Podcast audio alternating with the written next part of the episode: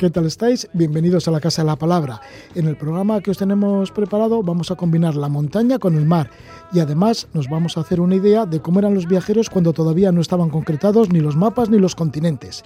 Para empezar, vamos a estar con José Soto, doctor en Historia Medieval. Nos habla desde Granada para hacernos imaginar cómo eran estos viajeros del siglo VI y VII, un mundo de horizontes amplios con muchos lugares ignotos. Eran viajeros de lo asombroso. José Soto nos describe, entre otros, un comerciante egipcio que navegó por el Mediterráneo y el Océano Índico y finalmente se recluyó en un monasterio, en el monasterio de Santa Catalina, en la península del Sinaí. También nos va a hablar de monjes que viajaron durante más de 20 años por los grandes monasterios de Egipto, Palestina, Siria, Líbano e Italia, recogiendo historias de eremitas. La entrevista que vamos a ofrecer con José Soto es nueva, nunca antes emitida.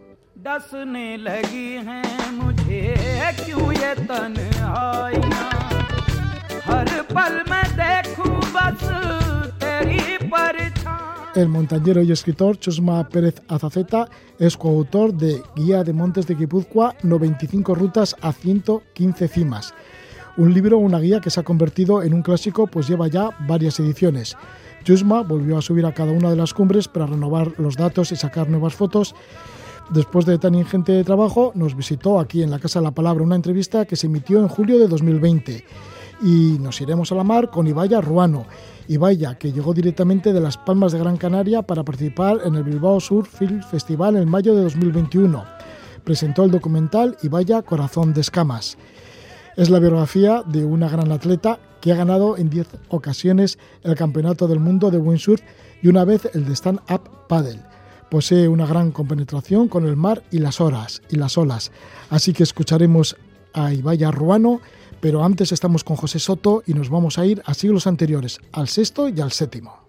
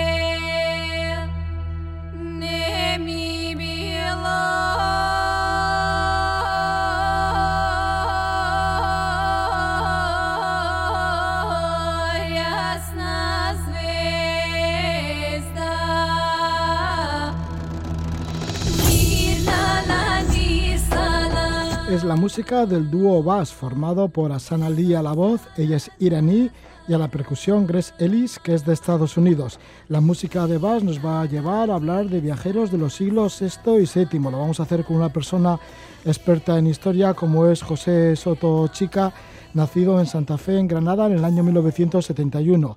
Es doctor en historia medieval, ha publicado cinco libros, dos de ellos pues, son novelas históricas con títulos como Tiempo de Leones y Los Caballeros del Estandarte Sagrado. También tiene tres libros de historia sobre Bizancio y la Persia sasánica, eh, sasánica que es el Irán antes de convertirse al Islam. Es bizantinista, iranólogo, especialista del surgimiento del Islam. Estamos con José Sotochica, al que le damos la bienvenida. Muy buenas noches, José. Muy buenas noches, Roge. José, pues sí, que vamos a hablar de esos viajeros del siglo VI y VII. ¿Cómo era el mundo por aquel entonces, el mundo conocido para, para las gentes de estos lugares y para que estas personas se aventuraran a conocer geografías que supongo que serían nuevas, ¿no? Todo por descubrir. Sí, por supuesto, era un, mucho, era un mundo muy, muy amplio, era un mundo que sorprendentemente anunciaba ya el nuestro, nuestro mundo eh, deriva directamente de aquel, era un mundo de imperios, donde el imperio romano de Oriente, lo que llamamos Bizancio, seguía controlando todavía el Mediterráneo, pero estaba a punto de perderlo, donde su gran imperio rival era la Persia sasánida, que iba desde lo que hoy es Irak a lo que ahora es la India, y donde ya estaba empezando a pues sí, poco a poco creciendo algo que pronto iba a ser el Islam y que iba a cambiar el mundo. Era un mundo de, horizontes amplios, donde más allá de las columnas de Hércules acababa el mundo conocido y donde pues África y el Oriente más lejano pues, eran también mundos ignotos. ¿Cómo se movía esta gente? Porque claro, no existían los aviones, por supuestísimo, pero que tenía que ser todo como muy lento, ¿no? Sin prisa, con la mente abierta a las maravillas que iban a encontrar. Efectivamente, era otro concepto de viaje, era otro concepto de vida. La velocidad promedio, por ejemplo, para un viajero del siglo VI o VII eran 40 kilómetros al día. Eso supone que, nuestros viajeros, pues a veces tardaban meses y a veces incluso años en realizar sus viajes y por lo tanto eh, no solo era un acto puramente externo, es decir, no solo se desplazaban entre comillas por la geografía, sino que esos desplazamientos también eran internos, es decir, el, personaje, el viajero, maduraba, cambiaba a lo largo del viaje. Serían viajes de muchos años, algunos. Sí, por supuesto. Algunos de los viajeros de los que hoy vamos a hablar aquí prácticamente pasaron su vida durante esos viajes, es decir, el viaje prácticamente era su propia vida, una vida de viaje. ¿Qué es lo que describían? Describían todo ello con mucho asombro, porque era igual la primera vez que se veía, ¿no? Por supuesto, este tipo de viajes en esta época pues son viajes del asombro, entre otras cosas porque claro, las diferencias culturales entre unos espacios y otros pues eran mucho más amplias que hoy día. Hoy nos podemos plantar en Estambul o incluso en Teherán y probablemente lo que veamos en las calles sea muy parecido a lo que podemos ver en Roma o en Madrid, pero en el siglo VI esos cambios eran mucho más marcados y a menudo un viajero se encontraba en un entorno que por completo desconocía y por lo tanto le sorprendía. Vamos a conocer algunas de estas personas, estos grandes viajeros de otros siglos, de hace muchos siglos, como por ejemplo Cosme Indiocopleustes. La verdad que el nombre es, bastante el nombre difícil. Se ¿eh? trae. en griego significa el navegante del, del Índico. Cosme es un personaje muy, muy curioso y además es un personaje que ha influido mucho en, en nuestro, nuestro concepto del mundo, o por mejor decir, en el concepto del mundo que durante mucho tiempo se tuvo en Europa. ¿Por qué digo esto? Este señor era un comerciante que desde Egipto, él era egipcio, en aquel momento Egipto estaba bajo el dominio bizantino, bajo el dominio romano, pues él se ganaba la vida comerciando con lo que hoy sería Eritrea y Etiopía, con lo que hoy sería el sur de Arabia, Yemen y con la India. Fue un hombre muy viajado, la mayor parte de su vida la pasó navegando el Océano Índico, de ahí su nombre, su sobrenombre, y al final de su vida, eh, cuando había hecho una pequeña fortuna, pues decidió abandonar la vida entre comillas mundana e ingresó en el monasterio de Santa Catalina del Sinaí, en el desierto del Sinaí. Y allí escribiría una obra dedicada a la geografía que iba a tener una influencia brutal. ¿Por qué? Aunque contradecía lo que él mismo había experimentado en el mar y lo que él sabía, era un hombre culto, pues a él, entre comillas, se le metió entre ceja y ceja que el mundo no era como ya lo había explicado Ptolomeo o Eratóstenes y que él lo conocía, o sea, hace redondo, sino que el mundo tenía que tener la forma del tabernáculo, de la mesa sagrada eh, de Dios, y que el mundo iba a ser plano. Y esa idea, pues, calaría en la Edad Media y daría lugar a muchos errores, ¿no? Y es un hombre que describe Con mucha vivacidad, es decir, cuando lo acompañamos en sus viajes, porque nos ha dejado un libro maravilloso, Topografía Cristiana, cuando él viaja a Etiopía, pues uno prácticamente escucha el, barrito de los elefantes, se adentra en la selva, asciende a las montañas del macizo etíope, uno siente también los monzones navegando por el Océano Índico, así es un hombre que increíblemente y para el siglo VI eh, sus vivencias, sus viajes están narradas de una forma muy intensa. Habrá que quedarse con su nombre, con Cosme Indocopleustes. Eso es, comerciante y navegante del Egipto bizantino que viajó por todo el Mediterráneo y también por el Índico, por países como Eritrea, Etiopía, Somalia, Yemen, Ceilán, India, Persia. Vamos con otro personaje que también, o con otros dos personajes que también se metieron monjes, como son Juan Mosco y Sofronio de Jerusalén. Pues sí, son también dos personajes que han influido muchísimo en nuestra cultura occidental. Ambos venían de una formación clásica, serían lo que hoy podríamos llamar, entre comillas, profesores de universidad, pero en un momento dado pues deciden adoptar también el, monacato, pero como llevaban el viaje en el cuerpo, ellos lo que se dedican durante años, ¿eh? estamos hablando de décadas, a viajar por todos los grandes monasterios de lo que era Oriente Medio, Egipto, Italia, etcétera, ¿no? Y nos han dejado un libro maravilloso, un libro maravilloso, lleno de anécdotas jugosas, sobre monjes de lo más excéntrico y curioso que habitaban en esos monasterios de Egipto, de Palestina, de Siria, del Líbano, de lo que hoy sería Turquía, de Roma, de África, etcétera, etcétera, ¿no? Es un viaje a través de un mundo secreto, de un mundo muy ignorado por el público, que es el mundo de los monasterios, de los eremitas, de los monjes que buscaban en los desiertos, en los lugares más apartados, la soledad, y que tenían historias de lo más curioso y sorprendente, desde un monje que, que en un momento dado adiestra a un león en sustitución de su burro, o a otro pues que siendo capturado por los salvajes del desierto termina convirtiéndolos en, en aliados suyos, ¿no? Y todo esto pues se recoge en un libro delicioso que escribieron estos dos señores después de más de 20 años de viajes continuos. Qué imaginación, o bueno, igual no tanto, pero era lo que veían en esas historias que iban buscando, historias sorprendentes. Efectivamente, es un mundo muy distinto al nuestro, porque para nosotros lo sorprendente entra en la categoría de la fantasía, pero para el hombre de la Edad Media lo, la fantasía, no, lo que nosotros llamaríamos fantasía era lo cotidiano. Lo sorprendente estaba a la orden del día, de manera que uno podía creer perfectamente, sin que ello le resultara incómodo, pues que un hombre podía tener la cabeza entre los hombros, porque para nosotros el asombro prácticamente ha muerto, pero para el hombre medieval era algo hermoso y cotidiano. Otro monje era Arculfo, un monje de la Borgoña francesa, que realizó un viaje en el año 670. Sí, es un hombre que, que viaja desde lo que sería el centro de Francia. Su pasión era conocer los santos lugares en una época muy difícil, porque en el año 670 el Mediterráneo, el antiguo Mediterráneo que había unido la cultura greco-romana, ha desaparecido. Ha aparecido un nuevo poder, el Islam, y el Mediterráneo se ha convertido de lugar de comunicación en lugar de frontera y enfrentamiento.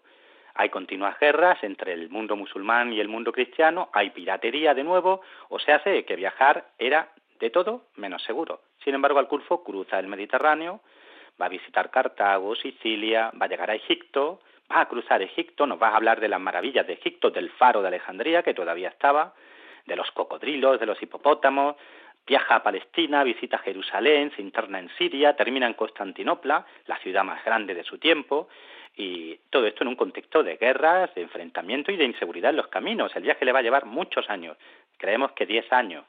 Y a la vuelta va a ser sorprendido por una serie de tormentas y lo van a llevar hasta, hasta Escocia, donde va a naufragar, salvará la vida in extremis y allí pues contaría su relato a unos monjes que nos lo han dejado. Qué historias las que vivía Culfo, ¿no? Que terminó náufrago en Escocia. Efectivamente, por sorprendente que nos parezca, cuando volvía a Francia las tormentas lo arrastraron hasta lo que hoy sería el estrecho de Gibraltar y, luego la navegación tan azarosa en aquellos tiempos pues terminó haciendo que su barco, que tenía que haber llegado a las costas de Francia, pues terminara en Escocia. Viajar entonces era una aventura, con todo lo que ello significa en positivo y en negativo. También viajaban bastante los militares, caso por ejemplo de Belisario, el más afamado general de Justiniano. Así es, Belisario es el último gran general romano, y la guerra lo llevó pues de un extremo a otro del mundo de su época, ¿no? Es un es un general que va a luchar en Persia, lo que hoy sería Irak e Irán, pero que también lo van a destinar a África, lo que hoy sería Túnez y Argelia, a Italia, a los Balcanes. En suma, durante su vida no hará otra cosa sino viajar y guerrear. A veces eh, las actividades eh, cotidianas, la, la guerra, la misión, la diplomacia, pues implicaban hacer viajes que llevaban años, porque como eh, antes he dicho, un viaje en esta época era un viaje eh, para años. ¿Que iban a caballo, en carrozas? La forma más habitual de viajar siempre que podían era por mar o en barcos a través de los ríos. Esta era la forma más cómoda y más rápida. Pero a menudo se veían obligados a viajar por tierra y eso significaba casi siempre hacerlo a lomos de burro o de caballo o en carro. En cualquier caso, y como antes he dicho, no se solía viajar más allá de 30, 40 kilómetros diarios, es decir, por encima de esa velocidad era impensable. Y estoy hablando del día, sí, 40 kilómetros al día. Para que nos hagamos una idea, un viaje entre Bilbao y Granada, por ejemplo, pues estaríamos hablando aproximadamente de más de un mes de viaje.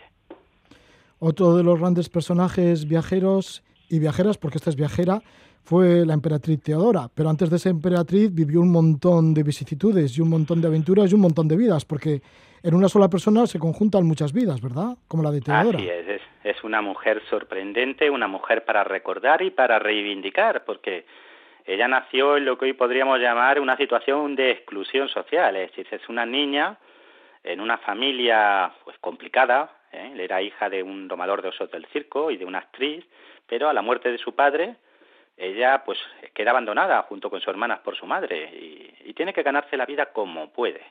Y lo hace primero actuando como mimo en las calles, luego como una prostituta de lujo y en esa condición viajó por muchísimos lugares. Estuvo en lo que hoy sería Libia, en la Cirenaica, estuvo en Egipto, al que por cierto llegó sola. Eh, la pareja que en aquel momento tenía la abandonó en pleno desierto del Sáhara y con sus 17 añitos tuvo que cruzar parte del desierto del Sáhara y plantarse en una ciudad como Alejandría. Es algo increíble. Sobrevivió, no solo sobrevivió, siguió viajando, siguió triunfando en muchas eh, muchas facetas de su vida, de nuevo como actriz y bailarina, y llegaría el momento en que, habiendo acumulado una pequeña fortuna, se permitió retirarse, dedicarse a una vida de estudio, y fue entonces que cuando conoció al, al príncipe heredero del imperio justiniano, que quedó completamente enamorado de ella, y que fue capaz de jugarse el imperio por casarse con ella, algo que prohibían las leyes de la época. Un matrimonio de esa de esa diferencia social estaba prohibido y sin embargo Justiniano y Teodora se enfrentaron a las leyes de su tiempo, lograron que se cambiaran para que su matrimonio fuera legal y la chica que había comenzado en el arroyo, entre comillas, terminó siendo la emperatriz del mundo. ¿Cómo fue abandonada en el desierto y se quedó sola? Pues eh, ella era la compañera, la etaira, mm, una, eh, del gobernador Escébolo, de lo que sería Sirenaica, la parte oriental de Libia, ¿no? Y mm, este señor tuvo la desfachatez en una discusión que tuvo con, con esta chica de compañía, ¿no? Que él tenía en su palacio, pues de, de querer quitársela de encima mediante el procedimiento de enviarla con escolta armada hasta la entrada del desierto y allí ordenar que la dejaran sola, sin víveres, sin agua, sin nada. Y tuvo que sobrevivir como pudo y llegar hasta Alejandría, un viaje de 900 kilómetros por tierra. Vamos a terminar este repaso a viajeros de los siglos VII, VI y VII. Nos lo está contando el doctor en historia José Soto Chica, pues con Techo de Trevisonda, que este fue en busca de la sabiduría por diferentes escuelas. Efectivamente, es, un personaje fascinante. Es un soldado del ejército bizantino que es herido, que queda incapacitado para seguir con su antiguo trabajo y que entonces decide, pues, lo que acabas de decir, eh, formarse, buscar la sabiduría. Y eso en este momento implicaba viajar. Viajar a través de un mundo en el que había una serie de grandes escuelas, de grandes universidades, diríamos hoy, pero diseminadas por todo el mundo. Así que lo primero que hace en 611 es viajar a Antioquía para comenzar sus estudios de derecho. No le bastan, así que se va a Jerusalén para comenzar los de teología. De allí, cuando los termina, a Alejandría de Egipto, donde estudia filosofía y matemáticas. Decide luego viajar hasta Roma, donde eh, sigue con estudios de Derecho y de Historia, pasa por Atenas para estudiar medicina y ampliar sus estudios en filosofía, llega a Constantinopla, la actual Estambul, donde completa ese periplo viajero y estudiantil y por último vuelve a su casa en Trebisonda, en lo que hoy sería la frontera entre Turquía y Georgia, para montar su propia escuela. Esto le llevó 20 años. Pues ahí terminamos en Trevisonda, además que bien suena, ¿no? Y con techo de, de, Trevisonda. Bueno, pues estas historias de viajeros de los siglos VI y VII, contado por, por José Soto Chica, nos habla desde Granada, él es doctor en Historia Medieval, es bizantinista, iranólogo, especialista del surgimiento del Islam, tiene cinco libros publicados, entre novelas históricas y libros de historia, Muchísimas gracias por estar con nosotros y ya compartiremos en otra ocasión, si te parece, más temas claro históricos. Que sí, claro que sí. Gracias a ti, Roge, y muchas gracias también a tus oyentes por escucharme. Un fuerte abrazo. Non dago non haut ez ote da hause Neretzat lengo tolosa Ez aldezaketen zun berriro mintzo goxoaren hotza? Bego negarra lurrindu bedi Begian malko min gotza Alarez nukenik iregatik Negarregitea lotza jainkorik ezin ez da ingerurik gorputzantzean iduri. Sinestez inoiz konturatzen auk Itzalpean nautelani Ilun hortatik bizi ontara Iaut bitartean argi. Errainu honen dirdaia lagun Aurrean zeuzkeat beti.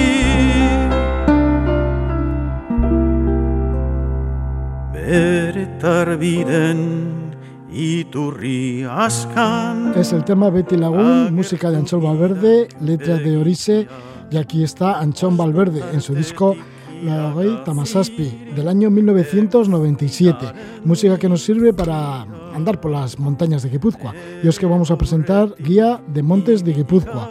Una guía que salió hace ya bastante tiempo, la primera edición apareció en el 2000 y la quinta en el 2008. La sexta acaba de aparecer ahora. Guipúzcoa, que es la segunda provincia más montañosa del Estado español después de Asturias. Son cimas modestas, con altitudes desde 400 a 1500 metros, pero son continuas. El relieve montañoso es ininterrumpido por todo Guipúzcoa. La situación a vista de pájaro mm, se traduce en unos valles encajonados en los que se amontanan núcleos urbanos e industriales, también rurales, separados por zonas montañosas.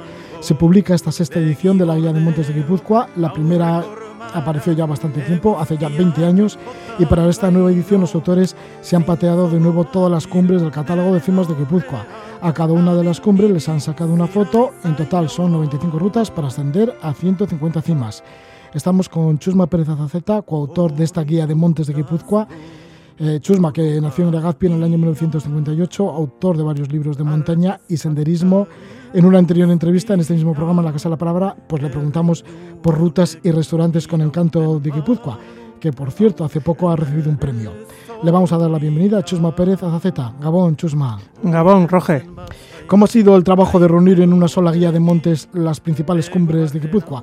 Porque un trabajo que ya se inició en el año 2000, completado ahora, ¿no? En la actualidad. Sí, sí, bueno, ya en el año 2000 eh, pues hicimos un, la guía de montes de Guipúzcoa, pero entonces no estaban todas, todas las cumbres del catálogo de cimas.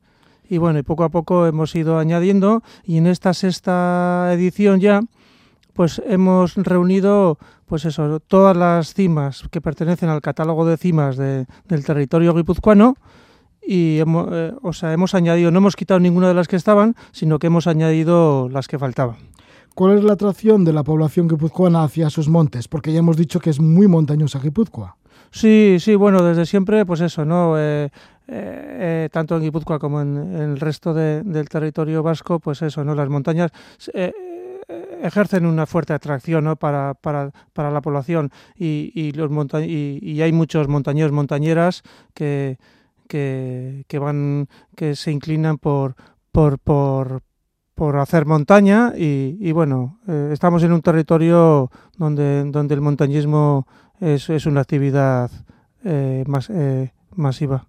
Sí, y esto sirve para profundizar en el entorno. A ti mismo te habrá venido bien, ¿no? Para conocer tu propio territorio histórico. Sí, claro, porque ya sabes que, que, hay un refrán que dice algo así como cuanto más se conoce un lugar, más, más se llega a quererlo, ¿no? Entonces, Claro, nosotros estamos eh, eh, pateando eh, normalmente todos todas las semanas, todos los días en la montaña, pero, pero, pero esto, el, realizar estas guías nos sirven, nos sirven para, para también profundizar en, en, su entorno. ¿no? Vamos descubriendo caminos nuevos, tradiciones, mitos, leyendas y vamos conociendo más si cabe los pueblos que rodean estas montañas. Chusma, ¿y cómo te organizas para conocer tantas montañas? Bueno, eh, a ver, yo desde siempre eh, eh, he andado en la, montaña. Además, bueno, inicié, me inicié en, el mundo este de la montaña con, allá en, Legazpi con, con un, con, en la cuadrilla con un amigo, Anchón Burcio, que que en este en esta reedición ha hecho el, el prólogo, ¿no? Entonces, bueno, es un poco eh, eh, hemos cerrado un círculo, ¿no? Iniciamos el iniciamos hace pues no sé, pues yo qué sé, muchos años, 40, 50 años el el, andar por la, por la montaña y, ahora pues estamos juntos en, en este libro, ¿no? Así que has tenido buena compañía ahí en el monte, ¿cómo no? Sí, sí, sí. Bueno, pues entre, entre los dos, entre Anchón y yo, hemos, ascendido, hemos vuelto a ascender todas las, todas las cimas y, y hemos y ya desde el principio eh, nos, nos pusimos el, el objetivo de, de, sacar una foto en cada, en cada monte, en cada, en cada cima o en la montaña y un poco pues para ilustrar para, para ilustrar esta sexta eh, edición eh, todas las rutas, ¿no? Y ha quedado, por eso ha quedado eh, muy muy bien este, esta edición con una foto en cada, en, en, cada, en cada monte, en cada cima. Por curiosidad, ¿cuánto tiempo te ha llevado ascender estas eh, 155 cimas? Pues... Estas 95 rutas, porque claro, algunas de estas rutas ya ascendías a varias cimas. Sí, sí, sí, sí, sí, por eso, eh, pues, eh, por ejemplo, pues eso, hay, hay rutas que vas haciendo tres, cuatro montes, ¿no? Pero eh, normalmente cada, cada ruta, o sea, la mayoría de cada ruta es, es una, una, una cima, una montaña y pues eso, a lo largo de, de, durante un año vamos haciendo poco a poco todas las, todas las semanas eh, y, y, yo algunos en tres semanas pues me escapo y, y, y voy haciendo sí, si se va si se va cortando el tiempo de entrega de, del sí. libro pues pues eso, ¿no? Voy, voy, voy haciendo entre semana, pero normalmente un año, algo más de un año nos cuesta eh, hacer el o redactar y, y, recorrer todas las todas las rutas para, para terminar la, el libro, sí. Con tanta salida al monte, ¿ha cambiado la forma de ir al monte? ¿Cómo has observado tú esto, esta evolución de ir al monte desde que salió la primera edición de este libro de, de, Montes de Guipúzcoa hasta hoy en día, desde el año 2000 hasta ahora, hasta el 2020? Sí, yo creo que sí. Bueno, desde siempre, lo, en, bueno, en Euskadi, eh, eh, los clubes de montaña tienen una, una importancia eh, muy fuerte en, en, el mundo de la montaña, ¿no? Y hace, pues hace 20 años, pues yo creo que, que la mayoría de, de, montañeros, montañeras íbamos eh, de la mano de, de, algún club de montaña, ¿no? Pues los famosos autobuses de fin de semana, no, o sea, de, de domingo, eh, luego el fin de semana ya se salía, o los puentes salía, se salía a Pirineos en, eh, con el club, ¿no? De la, de la mano de algún experto de, del club y, y, todo el mundo íbamos alrededor de, esto de, los clubes de montaña, ¿no? Y yo creo que, que, eso ha ido, ha ido evolucionando a que poco a poco eh, la, las, la, las, los montañeros montañeras eh, eh, vayan yendo o solos o en, pareja con, por, por, grupos más reducidos con su propio medio de, de locomoción de vehículos y, y, yo creo que ese es uno de los cambios que, que he visto yo. Nombramos algunos de estos montes. Para empezar igual, el Aquitegui, que tiene 1551 metros y que viene a ser el más alto de Guipúzcoa, no solo de Guipúzcoa, sino de toda la comunidad autonómica vasca. Sí, sí, sí, sí. Bueno, aquí además hay una hay una una anécdota, ¿no? Porque lo que lo que hoy se nombra lo, que hoy se, se, nombra como Acategui como la, la, cima más alta de, de, Guipúzcoa y de, y de la comunidad autónoma vasca hasta hace dos años eh, se, se, llamaba eh, Aichuri, ¿no? O sea que el Aichuri era, era, el monte más alto, pero, pero una persona ya local eh, fue investigando eh, la toponimia del, del, del lugar y, y, y, y, se dio cuenta de que a, a, donde, se, donde se, se decía, donde se llamaba Aichuri, en realidad es Aketegui. Entonces la, la, la altura es la misma, pero, pero ha cambiado, ha cambiado la toponimia. El Aquitegui, que está en la sierra de Edgorri, eh, bueno, pues claro, es ya simbólica, ¿no? Por su altitud y demás y por sí. dónde está enclavada. ¿Cuáles son los problemas técnicos para ascender a la Aquitegui? Bueno, eh, problemas técnicas, técnicos no, no, no existen. Bueno, eh, yo creo que saliendo de, de, de de Otzaurte pasando por la cueva de San Adrián, eh, yo creo que, que en, en, hora, en una hora 45 minutos estamos arriba en, en, la cima de Aizgorri, donde encontraremos un, un, un refugio, una ermita, eh, y, y, y, estamos ahí en, en, la digamos en la cima señera del, del macizo de Aizgorri, ¿no? la más popular de, del macizo. Y si hay en, en otros, en, en 20, 20, 25 minutos, eh, pues eh, eh, caminando por el alto del, del, cordal rocoso, pues nos acercamos hasta, hasta la Quetegui. Nos tendríamos que acercar a Oñati.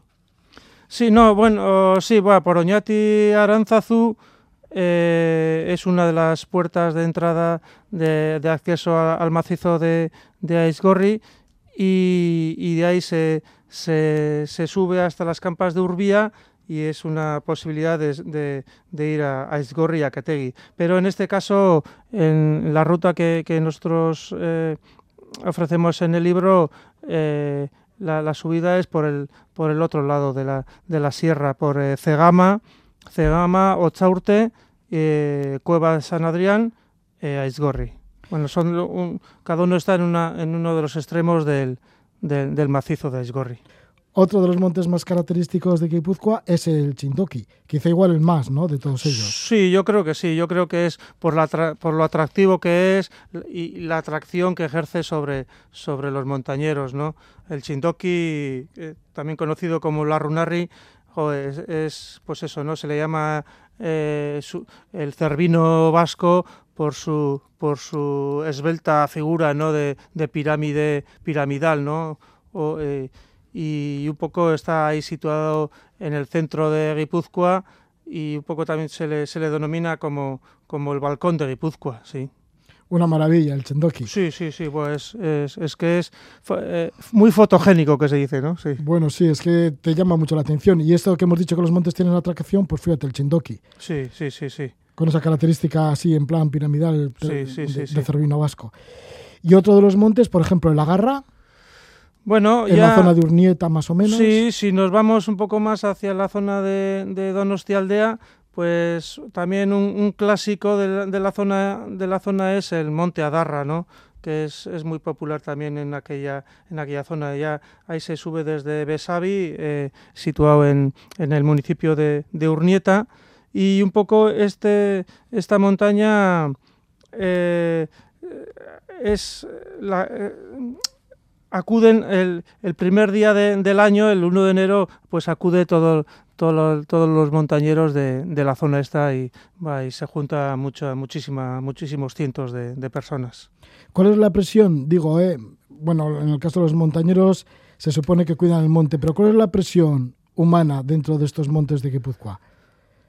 Porque pues bueno, con esto de las pistas para cortar sí, los sí, árboles pinos, y sí, tal, sí. pinos y demás, está cambiando un paisaje. Hombre, ¿no? sí, el paisaje, eh, a ver, en Guipúzcoa eh, el territorio es muy pequeño y, y está muy humanizado todo, o sea, entonces eh, los, los montes, los montes están están llenos de, de, de, pistas que se utilizan para pues para sacar el, el, el, pino, la madera del pino y bueno y, y, yo creo que, que, también los nosotros los montañeros cada vez vamos más en cada va, vamos acudimos eh, más al, a, las cimas, a las montañas, ¿no? Y, y, hay de todo, como hay de todo como en botica, ¿no? Pues yo creo que la mayoría de, de, de, de montañeros somos respetuosos con, con, con, el medio, ¿no? Pero, pero al, donde, donde se junta mucha gente siempre hay, siempre hay alguien que, que, que no se porta como, como, como debería, ¿no? Lanzáis un mensaje en esta guía para cuidar la naturaleza y entre otras pues aparece la duración en el tiempo de algunos desperdicios abandonados en el monte.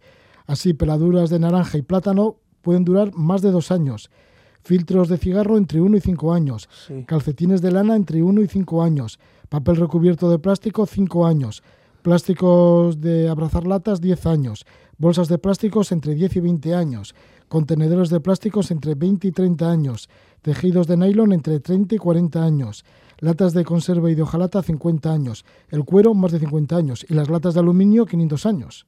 Sí, pues es un poco pues para, para concienciar un poco a, a, nosotros mismos, ¿no? Que, que, que, que se suele decir igual, eh, nosotros siempre vamos en, en, amigos en cuadrilla al, al, a la montaña y, y siempre en, eh, pues eso, ¿no? Normalmente pues comes una naranja, una manzana, no sé qué, y, el gesto más habitual es, es tirarlo allá, ¿no? Y, y, eh, siempre les comentamos algo. Pues, eh, no te cuesta, si lo has subido, no te cuesta nada bajar, bajarlo en la mochila que pesa menos y, lo echas a, cualquier contenedor que en, en el municipio, ¿no?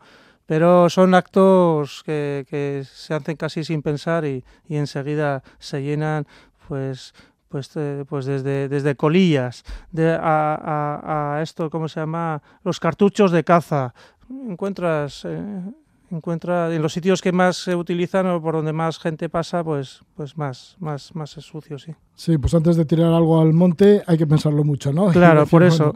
que estamos cometiendo una barbaridad. Sí, claro, pero es, es, es, eso, ¿no? Un poco, pues eso lo, lo pusimos pues para, para concienciarnos. Sí. Antes de terminar, Chusma, te queremos dar la enhorabuena porque habéis obtenido el premio Euskadi de Gastronomía por el libro Rutas y Restaurantes con Encanto de Guipúzcoa.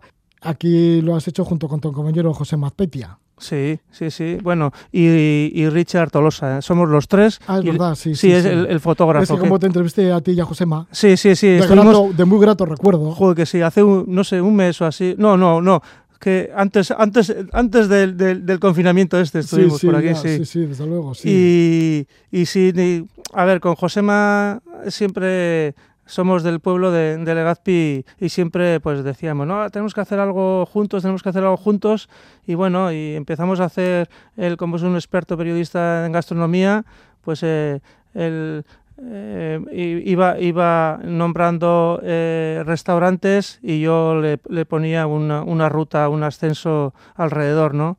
Y sí, lo que es casualidad, ya la semana, el viernes la semana pasada nos, nos, nos comunicaron que, que, el libro de Rutas y Restaurantes con Encanto de Guipúzcoa ha obtenido el, el, sí, sí, el premio eh, Euskadi de, de, gastronomía, sí.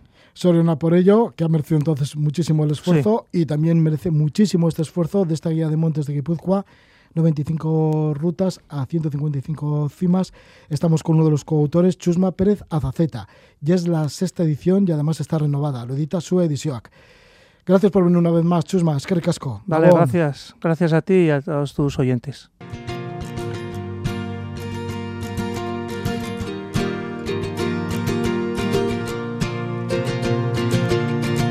El mar con su fuerza me empuja y su olor me fuerte y apacible hace sentir libre. El mar con sus olas hace disfrutar de la vida, de la libertad. El mar es una despensa de la humanidad. Da de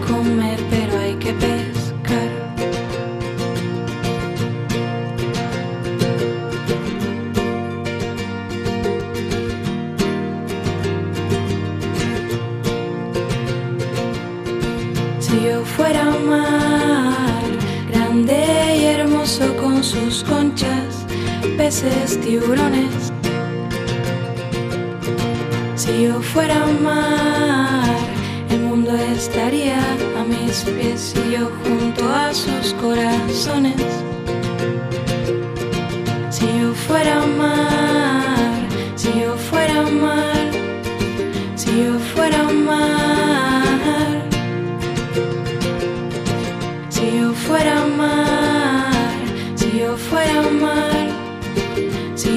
Es la voz de Alba Frey y la letra es de Ibaya Ruana. Y a Ibaya Ruano le tenemos con nosotros. Ibaya, junto con su hermana gemela Daida, llevan más de dos décadas en la élite mundial del windsurf. Entre las dos suman 28 títulos mundiales. Ibaya consiguió en 2018 un logro que no tiene precedentes en la historia del deporte profesional. Ganar el mismo año los mundiales de windsurf y de SUP del Stand Up Paddle. En el Bilbao Surfield Festival se ha proyectado esta tarde el cortometraje de 38 minutos y vaya Corazón de Escamas. Es un documental biográfico dirigido por José Hernández. Tenemos con nosotros, llegados directamente de Las Palmas de Gran Canaria, a Ibaya Ruano. Bienvenida, muy buenas noches, Ibaya. Buenas noches. ¿Qué letra más bonita has hecho para esta canción? Eh?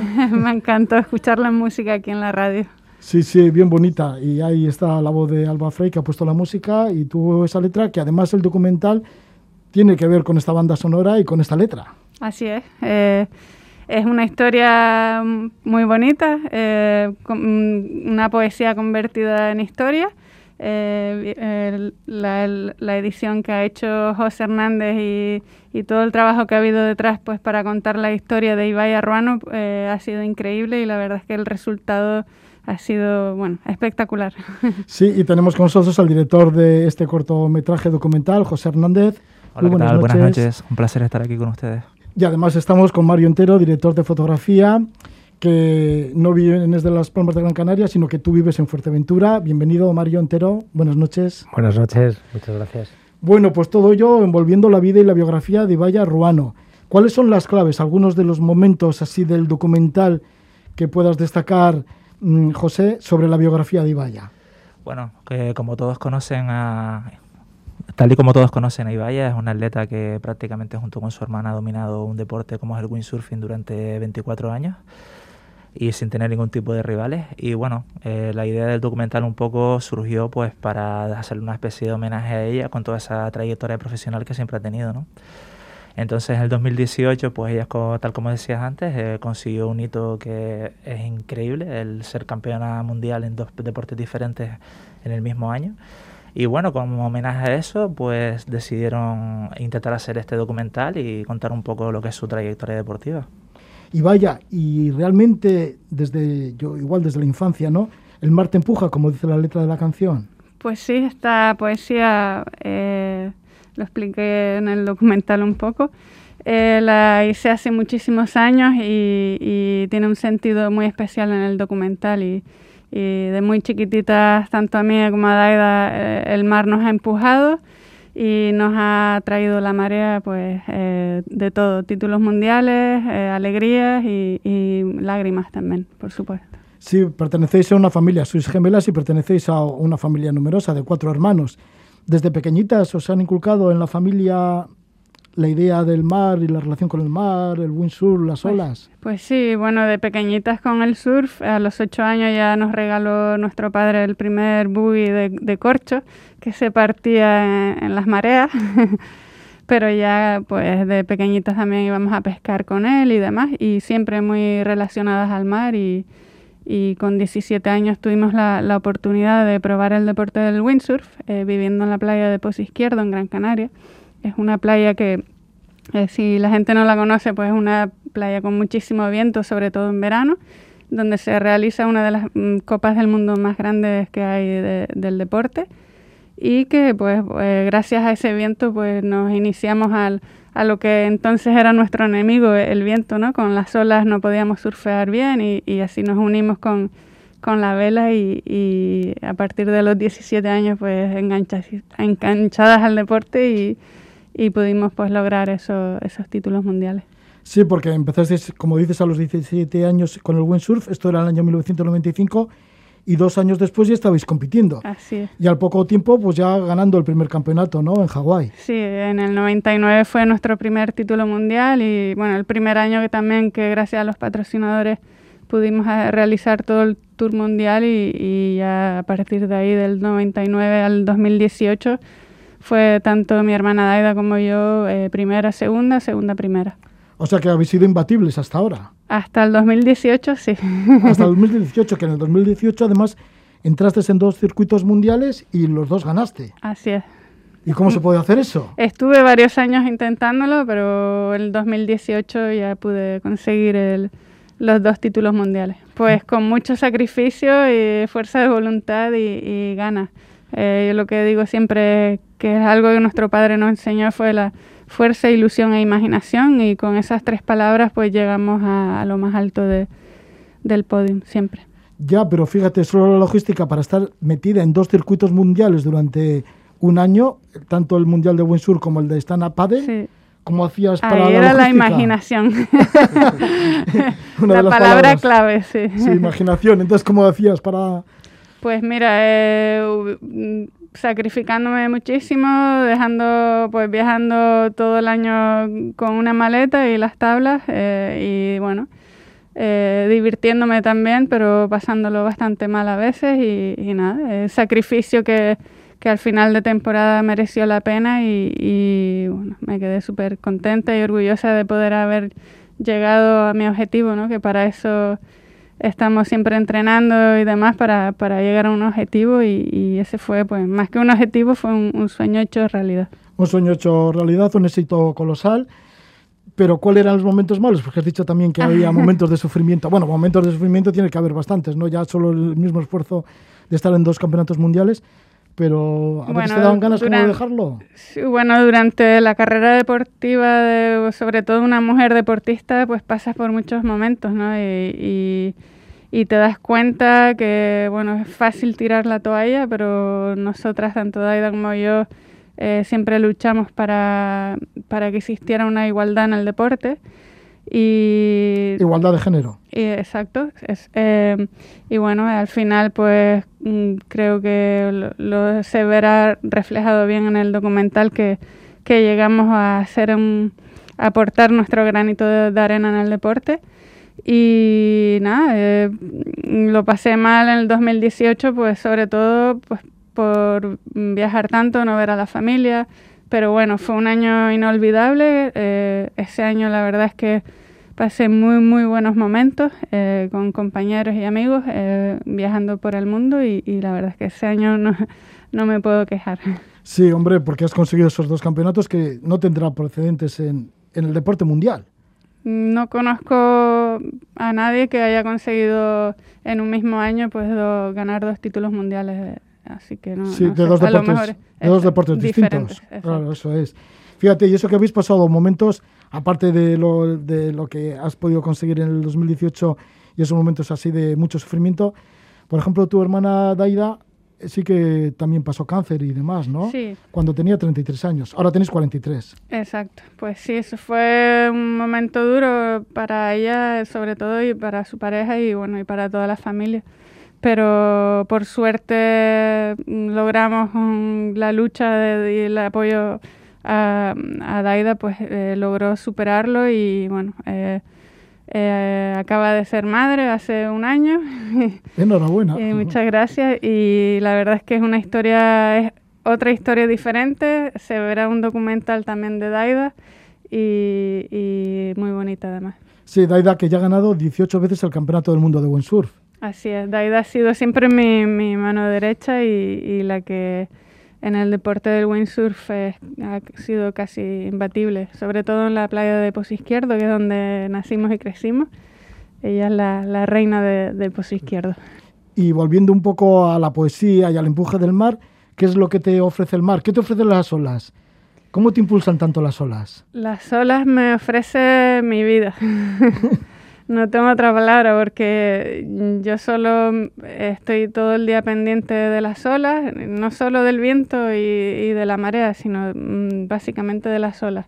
Y, es lo que me ha dado vida, ilusión y, ganas y motivación para estar siempre, siempre ahí. ¿Qué te dicen las olas? ¿Te suelen hablar o te suelen decir algo? Cada día me dicen algo diferente porque cada día es diferente y, sí, yo creo que de alguna manera hay un lenguaje especial y, único. Hay un lenguaje especial también con el océano y además vosotros que estáis en Canarias, que tenéis ahí todo el océano Atlántico. Exacto, estamos rodeados de mar y, la verdad es que me alegro de no haberme dedicado al fútbol, sino aprovechar de, esta energía que nos da el mar y, disfrutarlo. ¿Hay alguna simbiosis también con los otros animales del mar? Digo, porque como allí también tenéis pues, de, todo. de, todo. ¿no? Entonces, seguro que igual has notado también sensibilidad de, de otras especies. Hombre, notas, notas cuando ves los tiburones. Ah, sí.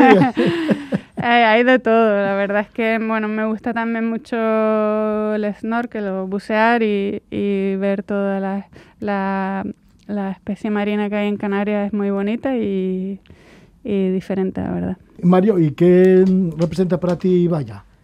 digo, como os conocéis tanto y como le has seguido también con tus fotografías y ahora que eres director de fotografía del documental, ¿qué representa conocerle a Ibaya y, y saber también sus cualidades como deportista y también como persona? Bueno, como muy bien había dicho Ibaya, Ibaya es parte del mar. Entonces, es, es, para mí es un privilegio el poder fotografiar a alguien que sienta el mar como lo siente ella. Porque no, no todos sentimos la misma energía al ver unas olas grandes o que no haya olas y que no haya viento y no pueda llegar a hacer lo que ella quiere hacer. Entonces, bueno, sentirlo y fotografiarlo pues siempre es, siempre es una pasión y, siempre que me meto al agua a, fotografiarla, pues sé que va a estar donde yo quiero que esté, cerca mía y dando los ángulos que al final hemos logrado en el documental. ¿Practicas también surf allí en Fuerteventura? Sí, bueno, es la razón de vivir allí.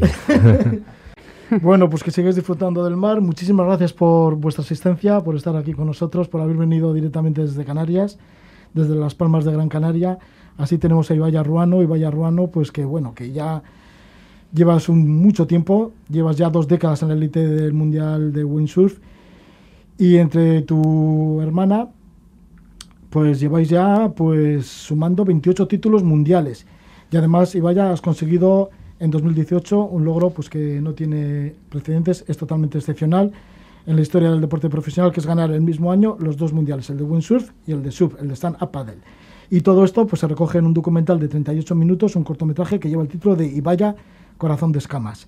Pues Ibaya Corazón de Escamas, gracias por estar con nosotros. Gracias a ustedes.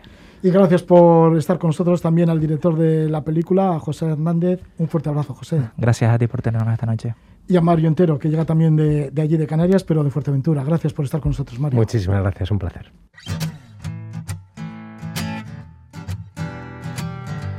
y vaya Ruano, José Hernández y Mario Entero nos trajeron mucho salitre desde Las Palmas de Gran Canaria en una entrevista que le hicimos el 21 de mayo de 2021.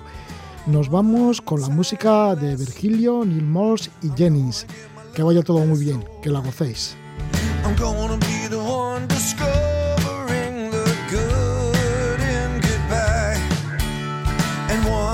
time less. You can count me up with all the lonely. Cause now it's like a different covering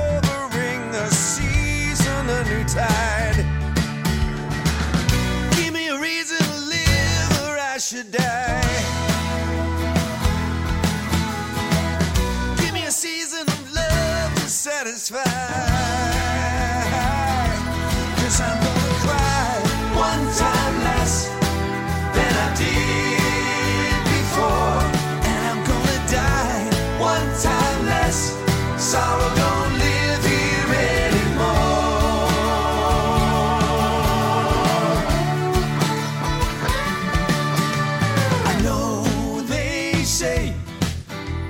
It's better to have loved and lost it than never know the truth of all the ways the soul.